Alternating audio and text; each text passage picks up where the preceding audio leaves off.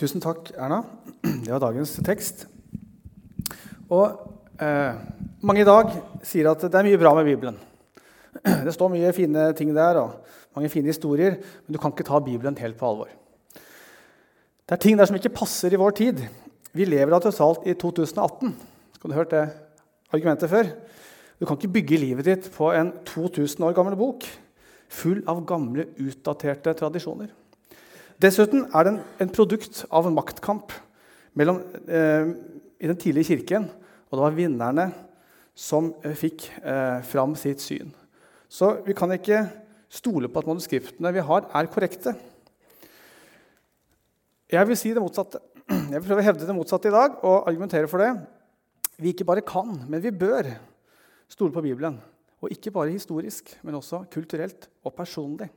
La meg forklare. Når det gjelder historiske, så er det mange som sier at Nytestamentet er et produkt av teologiske konflikter i den tidlige kirken. Og den skriftsamlingen vi har, som vi kaller Nytestamentet i dag, eh, den ble skapt av vinnerne. Og vi vet ikke hvem Jesus egentlig var, hva han egentlig sa. Vi har bare fått vinnerversjonen. Eh, jeg syns det er en urettferdig kritikk. Og jeg mener at du kan stole på Bibelen, at det er en troverdig rapport om det Jesus sa og gjorde. Eh, jeg skal gi deg tre raske grunner pga. Eh, tiden i dag. Punkt 1. Skriftene vi har, de er altfor tidlige til å være forfalskninger. Eh, fordi det eksisterte fortsatt mange øyenvitner når de ble skrevet.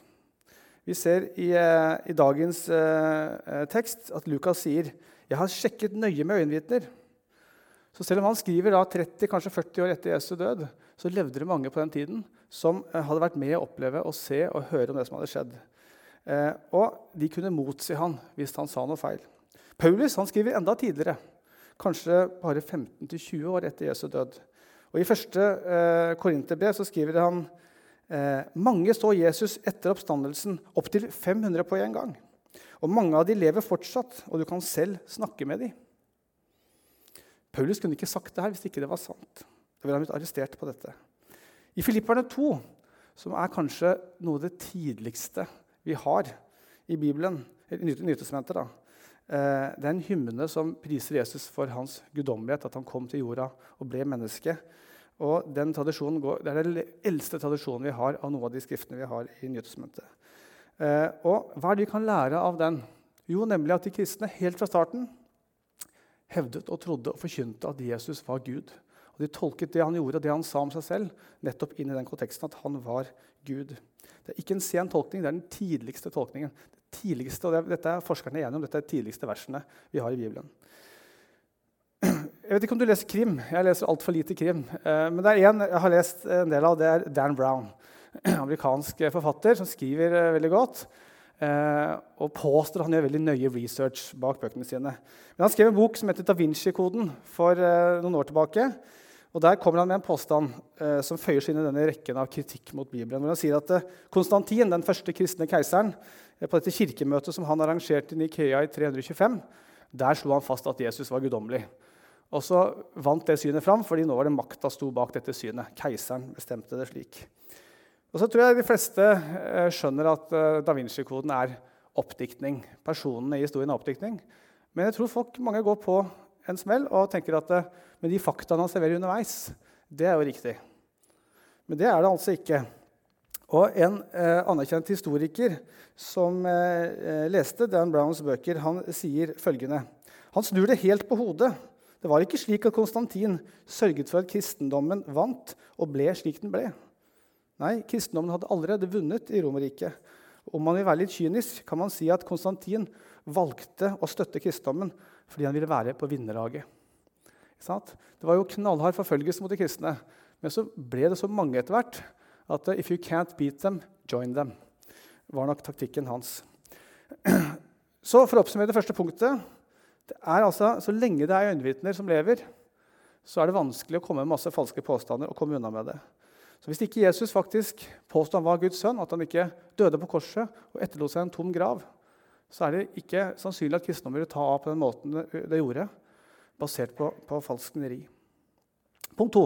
Skriften, skriftene i NT, NT står for Nytestamentet, eh, de er for ærlige, for kontraproduktive til å være legender og oppdiktning. Hva mener jeg med det? Jo, kritikken mot disse skriftene er jo at de er manipulerte, og det er vinnerperspektivet som kommer fram. Og vinnerne det er jo disse arvtakerne etter apostlene som ledet den tidlige kirken, kirkefedrene. Men hvis de skapte disse skriftene for å bygge opp om sin egen eh, innflytelse og autoritet, så er det jo veldig eh, rart veldig mye av det som de tar med i eh, historien om Jesus og disiplene. F.eks. Jesus som i Getsemane eh, ber inderlig om å få slippe korset og hele frelsesgreiene. Kjære Gud, la dette begeret gå meg forbi. Eh, eller når Jesus henger på korset og sier, 'Min Gud, min Gud, hvorfor har du forlatt meg?' Det er jo ting som er vanskelig å forstå og nesten støtende i dag, og enda mer på den tiden. Eh, man ville ikke valgt sånne beskrivelser. Eller enda verre, eh, som vi hørte i dagens tekst, hvem var det som oppdaget visstnok at Jesus var stått opp, eller at graven var tom? Jo, det var kvinner. Det var kun kvinner. Alle de første vitnene var kvinner. Det går igjen i synoptikerne og i Johannes evangeliet. Og de var ikke verdige til å stille en rettssak som vitner engang sin lave sosiale status på den tiden. Du ville ikke valgt kvinner som vitnene hvis du ønsket å bygge opp troverdighet rundt dette. Hvis det ikke faktisk var sånn det faktisk skjedde. Og kanskje enda verre beskrivelsene av disiplene i Nystementet det er en skikkelig sånn ragtag-gjeng. altså. Det er ikke de skarpeste eh, knivene i skuffen. Og eh, eh, de fremstilles som både selvhevdende, umodne, trege til å tro, fikk vi høre i skriften i dag. De var feige, de var til og med forræderiske. Og Den ene forrådte Jesus, og den andre han benektet han, han kjente han, osv. Du dikter ikke opp sånne ting hvis du ønsker å bygge opp din egen status og eh, anseelse. Eneste forklaringen er at dette må være sant. Det må ha vært sånn det har skjedd, eh, skjedd, på ordentlig. Så altså, De er for tidlige, disse skriftene vi har, og de er for ærlige og for kontraproduktive til å være oppdiktning. Og punkt tre de er for detaljerte. Et av problemene med å påstå at evangeliene er legender, er at vi kjenner ikke til noen lignende skrifter fra den tiden eh, som ikke er historiske skrifter. Eh, moderne fiksjon, altså romantradisjonen, men realistisk fiksjon, det er en moderne oppfinnelse fra 1800-tallet. Vi finner ikke spor av det før. Eh, og på Jesus' tid, hvis du leser eh, legender, romerske eh, og greske, eh, alle disse antikke mytene og legendene, så er det ingenting som begynner sånn som Lukas begynner. Jeg har sjekket nøye og snakket med øyenvitner. Nei, det er en helt annen sjanger. Bare les Iliaden, Beowulf, alle disse eh, verkene, så ser at dette er noe helt annet.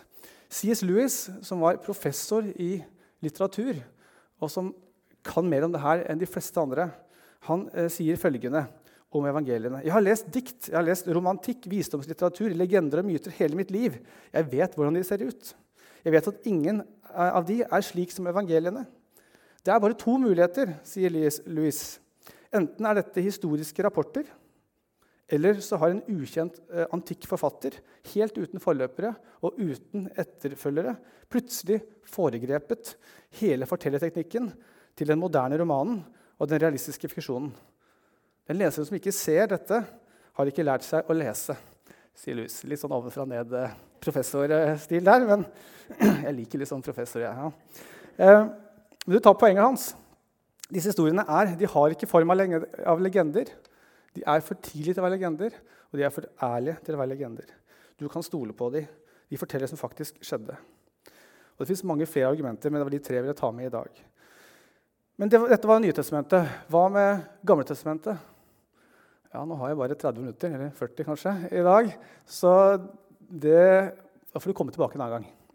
Eh, eller du kan gå i arkivet vårt, så har jeg nok snakket om dette før. om ikke jeg husker helt feil. Eh, men i Nytestamentet, som er nå etablert som et troverdig skrift, så ser vi alle forfatterne der.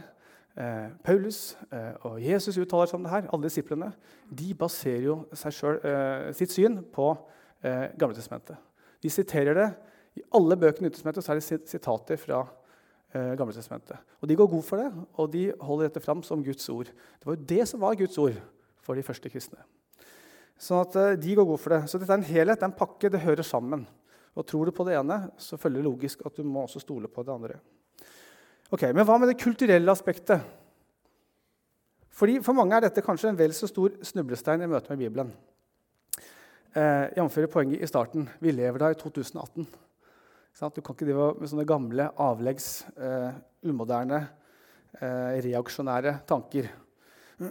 eh, hvis du skulle lage en liste over alt i Bibelen som nordmenn i dag kan eh, ta anstøt av, eh, så det, kan den lista bli ganske lang. Eh, men det kanskje mest interessante er at den lista har en tendens til å forandre seg fra generasjon til generasjon.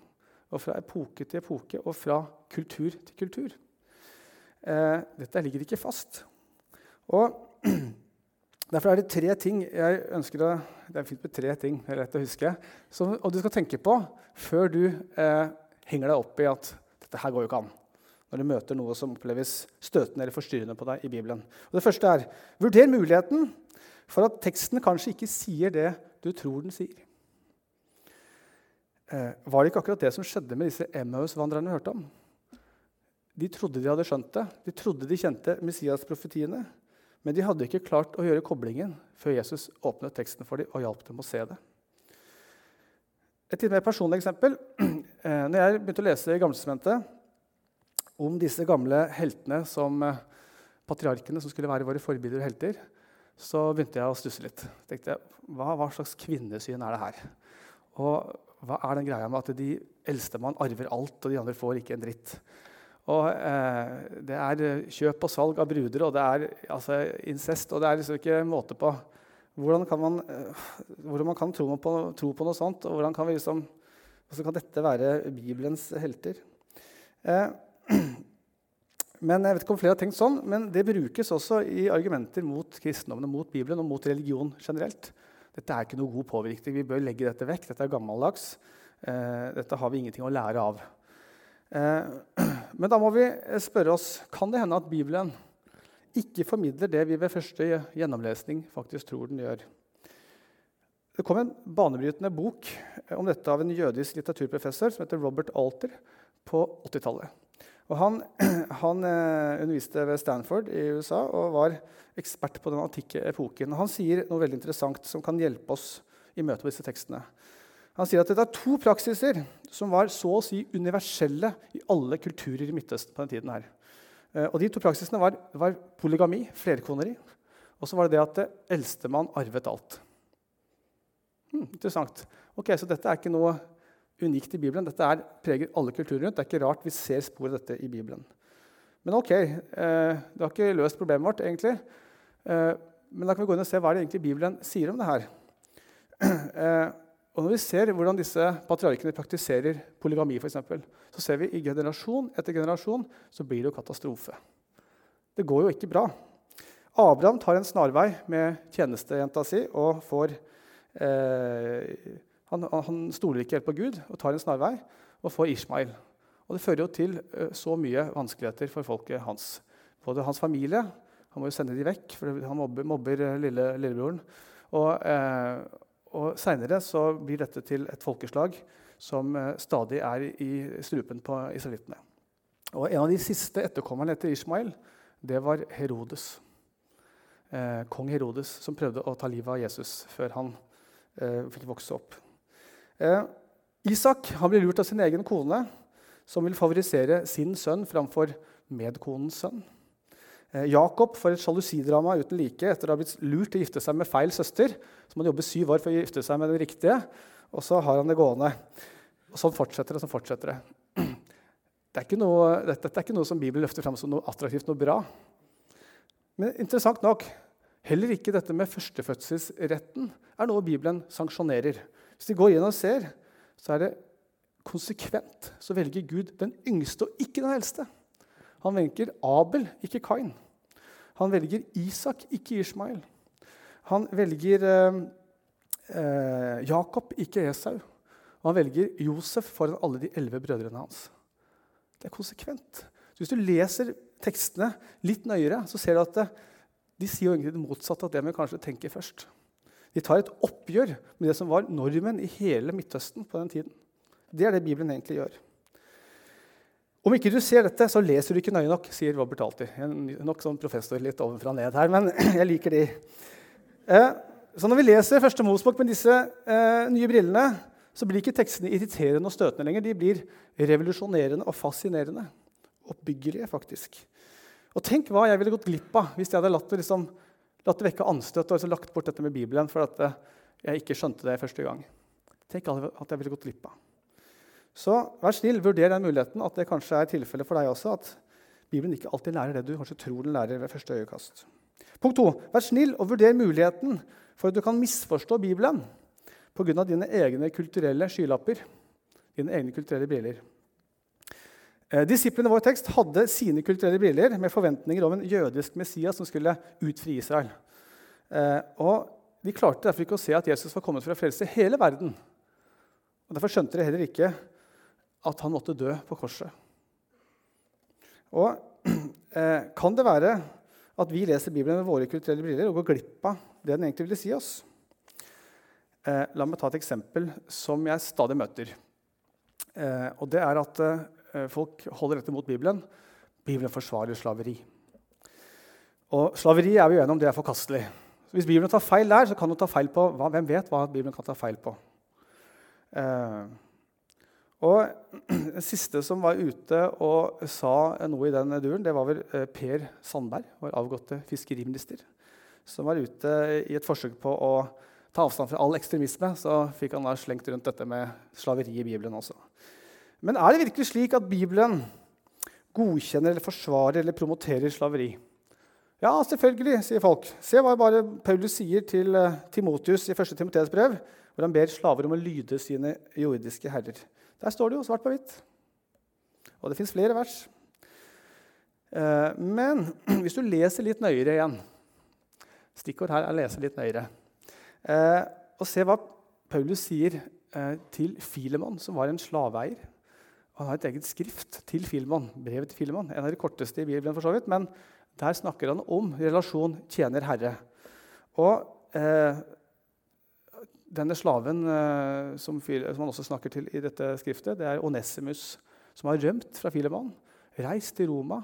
Så han er blitt frelst og så han endte opp som en medarbeider for Paulus i fengselet. og tjener Paulus i fengselet i Roma. Og nå vil Paulus sende Onesimus hjem til Filemon. Men så sender han med et anbefalingsbrev. Nå må du behandle som en bror, ikke som en slave. Eh, og Når vi ser på dette forholdet mellom eh, Onesimus og Filemon, så skjønner vi at det, dette er ikke slaveri sånn som vi tenker på det i vår eh, moderne tid. Dette er mer som sånn kontraktstjenerskap. Hva var det? Jo, det var at du jobbet eh, for noen eh, i en periode for å betale gjeld, kanskje, eller for å få husly, eh, eller beskyttelse eller utdanning. Eh, men det var ofte tidsbegrenset. og I den jødiske konteksten så var det jo hvert syvende år så skulle jo alle slaver slippes fri. Slik at eh, Eh, ikke, men når vi hører, da, så tenker vi med våre skylapper. Vi tenker Amerika, den nye verden. Afrikansk, rasistisk, livslangt slaveri. Kidnapping av mennesker i Afrika for å jobbe seg til døde på plantasjen i, Afrika, nei, i, i Amerika. Men det var ikke den konteksten Paulus snakket inn i. En annen professor, Murray Harris, skrev i 2001 en bok hvor han tar for seg nettopp slaveriet i den gresk-romerske verden eh, i det første århundret, altså perioden hvor Paulus skriver. Han sier punkt 1. På den tiden var det vanskelig å se forskjell på en slave og en fri mann. De gikk kledd likt, og de omgikks hverandre. Slavene var ikke segregert, slik som de var f.eks. i USA. Punkt 2. Det var ikke uvanlig at slavene var høyere utdannet enn sine herrer. Det var spesielt populært for den romerske eliten å ha greske slaver som lærere for sine barn, såkalte pedagoger. Da har vi det ordet fra.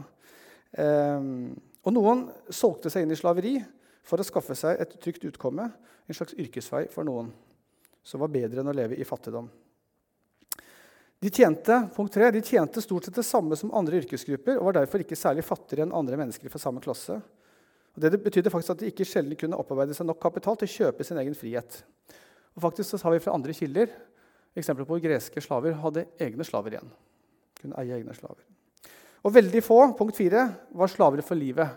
De fleste ble frie etter 10-20 år og Senest i slutten av 30-åra var det stort sett alle eh, blitt kjøpt sin egen frihet. Så Dette står i sterk kontrast til det vi tenker når vi tenker slaveri. ut fra alle de filmene og bøkene vi har lest. Eh, som, eh, som, jeg sa, som var rasebasert, det var livstidsbasert, og det var basert på kidnapping. Hvis vi ser på hva Bibelen sier om kidnapping av mennesker, så den, tar den entydig avstand fra det, både i Nytestamentet eh, hos 1. Timoteus brev Og både i 5. og 2. Mosebok så tar man det er dødsstraff for å eh, rane mennesker eh, og kidnappe mennesker. Så når Paulus møtte den tidens slaveri, som han skriver om, så oppmuntret han ikke. Nei, han oppfordret i stedet slavene til å kjøpe seg fri. I første kor eh, 7 gjør han det. Men han gikk ikke inn på noen kampanje mot hele eh, opplegget. Det gjorde han ikke. Eh, men han var opptatt av det indre, av hjertets holdning. At eh, hos Gud er det ikke forskjell på slave og fri, på mann eller kvinne, på greker eller jøde. Vi er alle like for Kristus. Og Det var et radikalt budskap. Og Det er kanskje ikke tilfeldig. Og Hvem var det som først ga respons på budskapet? Det kristne budskapet i Romerriket? Jo, det var kvinnene, og det var slavene og de lavere klassene. Eh, de som var marginalisert på den tiden. De følte at dette var et frihetsbudskap. Og så har vi de kristne som levde i den moderne tiden, på 1700-1800-tallet, som så det moderne slaveriet. Og hva ble de gjorde? I hvert fall mange av de. Jo, de tok i, ta, i tur med det her. Og hvem ledet han i kampen? Jo, det var den kristne eh, parlamentarikeren William Wilberforce som fikk kjempet gjennom et forbud i det engelske parlamentet. Først mot slavehandel i 1807 og så mot alt slaveri i 1834. En livslang kamp. Og Du kan se det eh, portrettert i filmen 'Amazing Grace'. En fantastisk film, verdt å se. Og se hvilke ting han gikk igjennom for å vinne den kampen. Det var utrolig viktig for den britiske økonomien. Det var hovedargumentet mot, mot han. Eh, og Så lenge var, de lå og kniva med Frankrike, så turte de ikke å, å kutte ut slaveriet. Men han fikk det gjennom. Og Senere ble engelskmennene ledende i å forby det i resten av verden. Og De truet, og de overtalte, og de tvang og de bestakk andre land for å gjøre det samme som de gjorde. Portugal fikk en haug med penger for å kutte ut sitt slaveri. og Andre land ble, ble, inngikk man avtale med for å få dem til å slutte med slaveri. Så det var en kjempekraft og drevet fram mest av de kristne. faktisk. Og Det samme ser vi gjennom middelalderen også i Europa. Så Neste gang de hører noen si at Bibelen forsvarer slaveriet, så kan de frimodig svare at nei, det gjør den faktisk ikke. I, det minste ikke slik vi kjenner det i våre dager. Men hva med de kristne i eh, Amerika, som vi har sett på alle disse filmene, eh, som bruker Bibelen for å forsvare slaveriet? Jeg har sett mange av disse filmene. Vi ser det ofte på skolen. Og, eh, eh, og det er helt riktig, de gjorde det. Men da gjør de akkurat den feilen som eh, vi snakker om nå. De leser Bibelen med sine kulturelle skylapper eh, og tar Bibelen til inntekt for noe som Bibelen aldri var ment å ta, bli tatt til inntekt for. Og så til slutt, La oss gjøre et tankeeksperiment sammen. Hvis Bibelen virkelig er Guds universelle, evige ord, og ikke bare et kulturprodukt fra én spesiell epoke, fra én spesiell kultur, er det ikke slik da at den ville vekke anstøt hos alle kulturer, i alle epoker, på et eller annet nivå? Eh, fordi ingen kulturer er perfekte. Ingen kulturer lever opp til Guds perfekte standard. Eh, så det at, det er noe der vi kan, som vekker anstøt hos oss, det bør ikke tale til uflere for Bibelen, men heller at det bekrefter at dette er ikke noe tidsbestemt som hører til én epoke. Eh, det er noe som eh, er noe universelt, som ingen, alle kan liksom vekke anstøt i forhold til. En siste ting. Hvis du tenker deg godt om og tenker på dine besteforeldre Jeg skal ikke si noe stygt om de, men det kan hende at du syns de hadde noen eh, standpunkter som kanskje er litt utdatert, litt teite, litt avleggs i dag. Er det noen som eh, kjenner seg igjen i det? Eller oldeforeldre? Ja, jeg kan, jeg kan, komme på noen ting. Eh, F.eks. ikke spille kort. Eller, ja, det er mange ting. Men kan det da hende at om 50-60-70 år, når våre barnebarn og oldebarn vokser opp, at det er enkelte ting i våre verdistandpunkter, i vår kultur, i vårt levesett, som de vil se på som litt avleggs, litt teit, eh, som de vil ta anstøt eh, i forhold til. Jeg tror det. Vi må være åpne for den muligheten. i hvert fall. Problemet er at vi vet jo ikke hva det er. Det vet vi ikke før seinere. Så kanskje vi skal være litt ydmyke, og kanskje ikke vi skal bruke vår kultur i dag som målestokk på om Bibelen er eh, noe å ta lærdom fra. Kanskje vi skal la Bibelen være målestokken. Eh. Så altså, du kan stole på Bibelen historisk. Du kan stole på Bibelen. Eh, kulturelt. Men hva med det siste punktet? Personlig. Noen tenker og noen hevder det at hvis du tar Bibelen på alvor, hvis du gjør Bibelen til liksom absolutt autoritet i livet ditt, som rettesnor for livet, da uh, får du en sånn rigid, uh, kald upersonlig, eh, tro, forhold til Gud.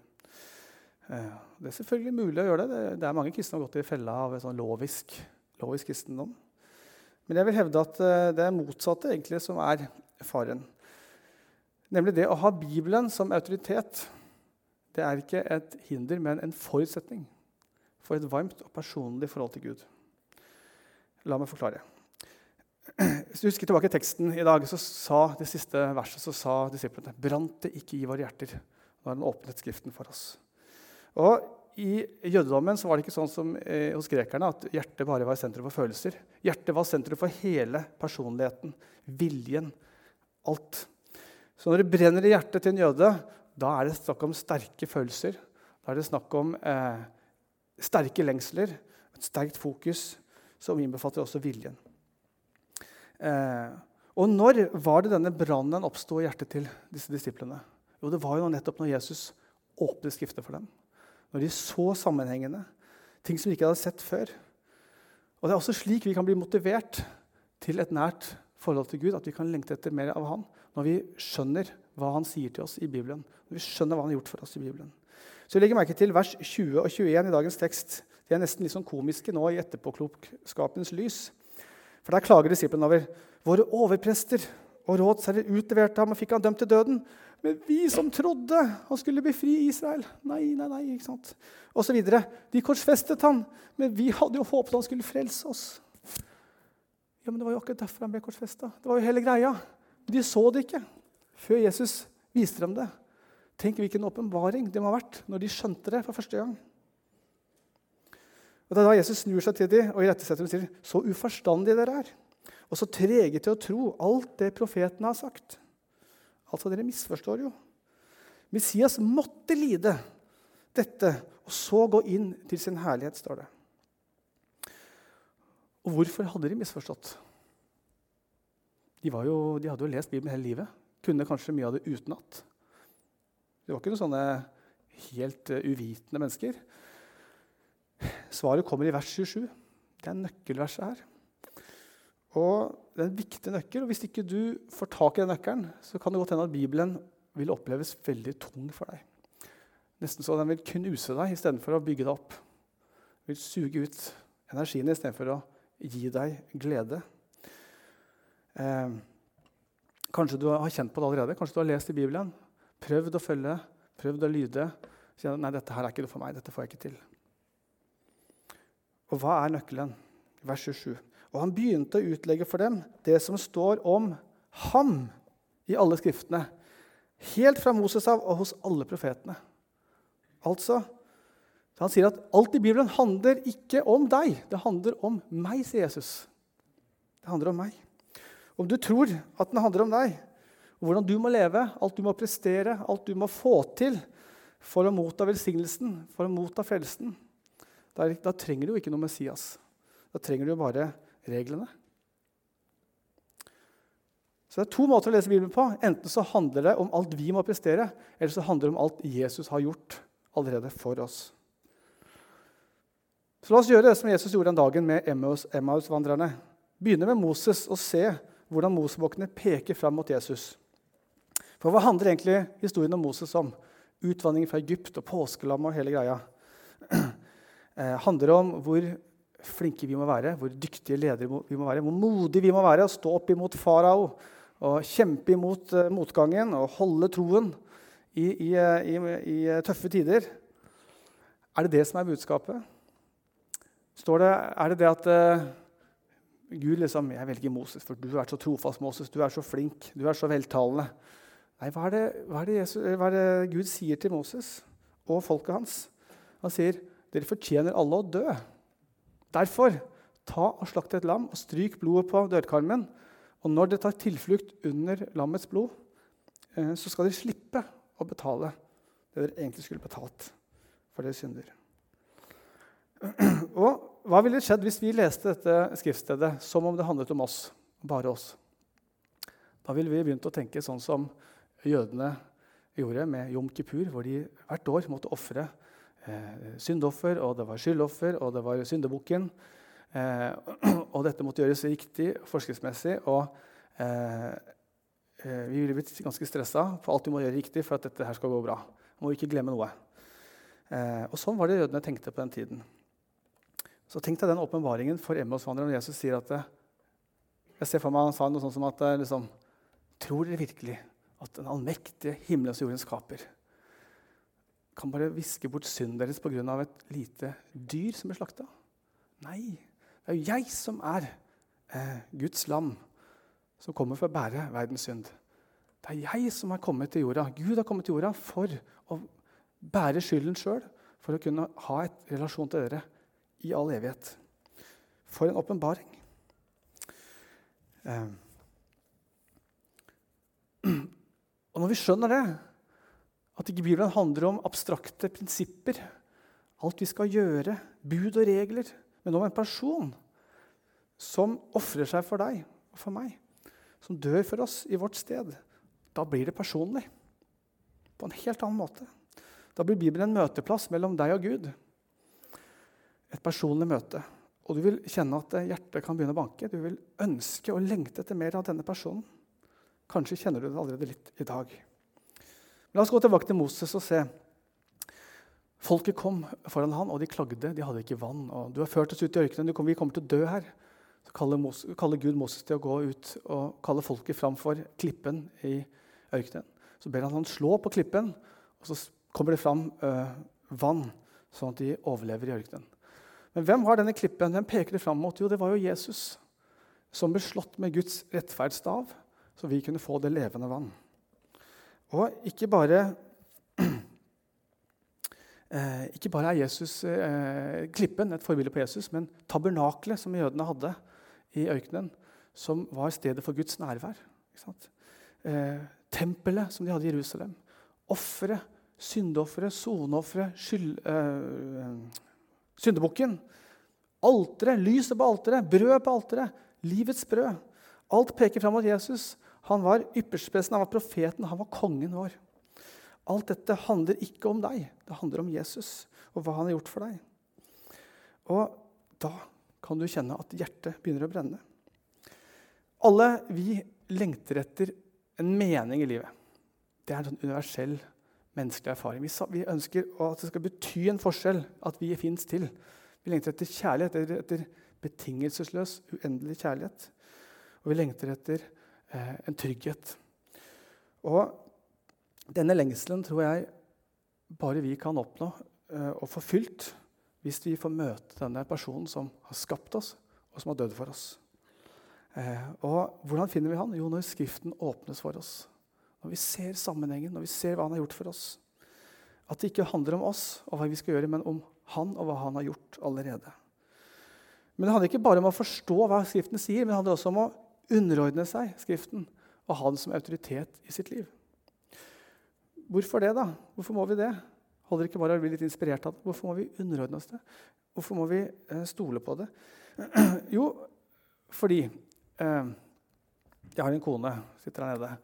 Og hvordan vet jeg at vi har et nært og personlig eh, forhold? Jo, fordi at vi, vi, diskuterer og vi krangler. Rett som det er. Det kan gå ganske heftig for seg, faktisk.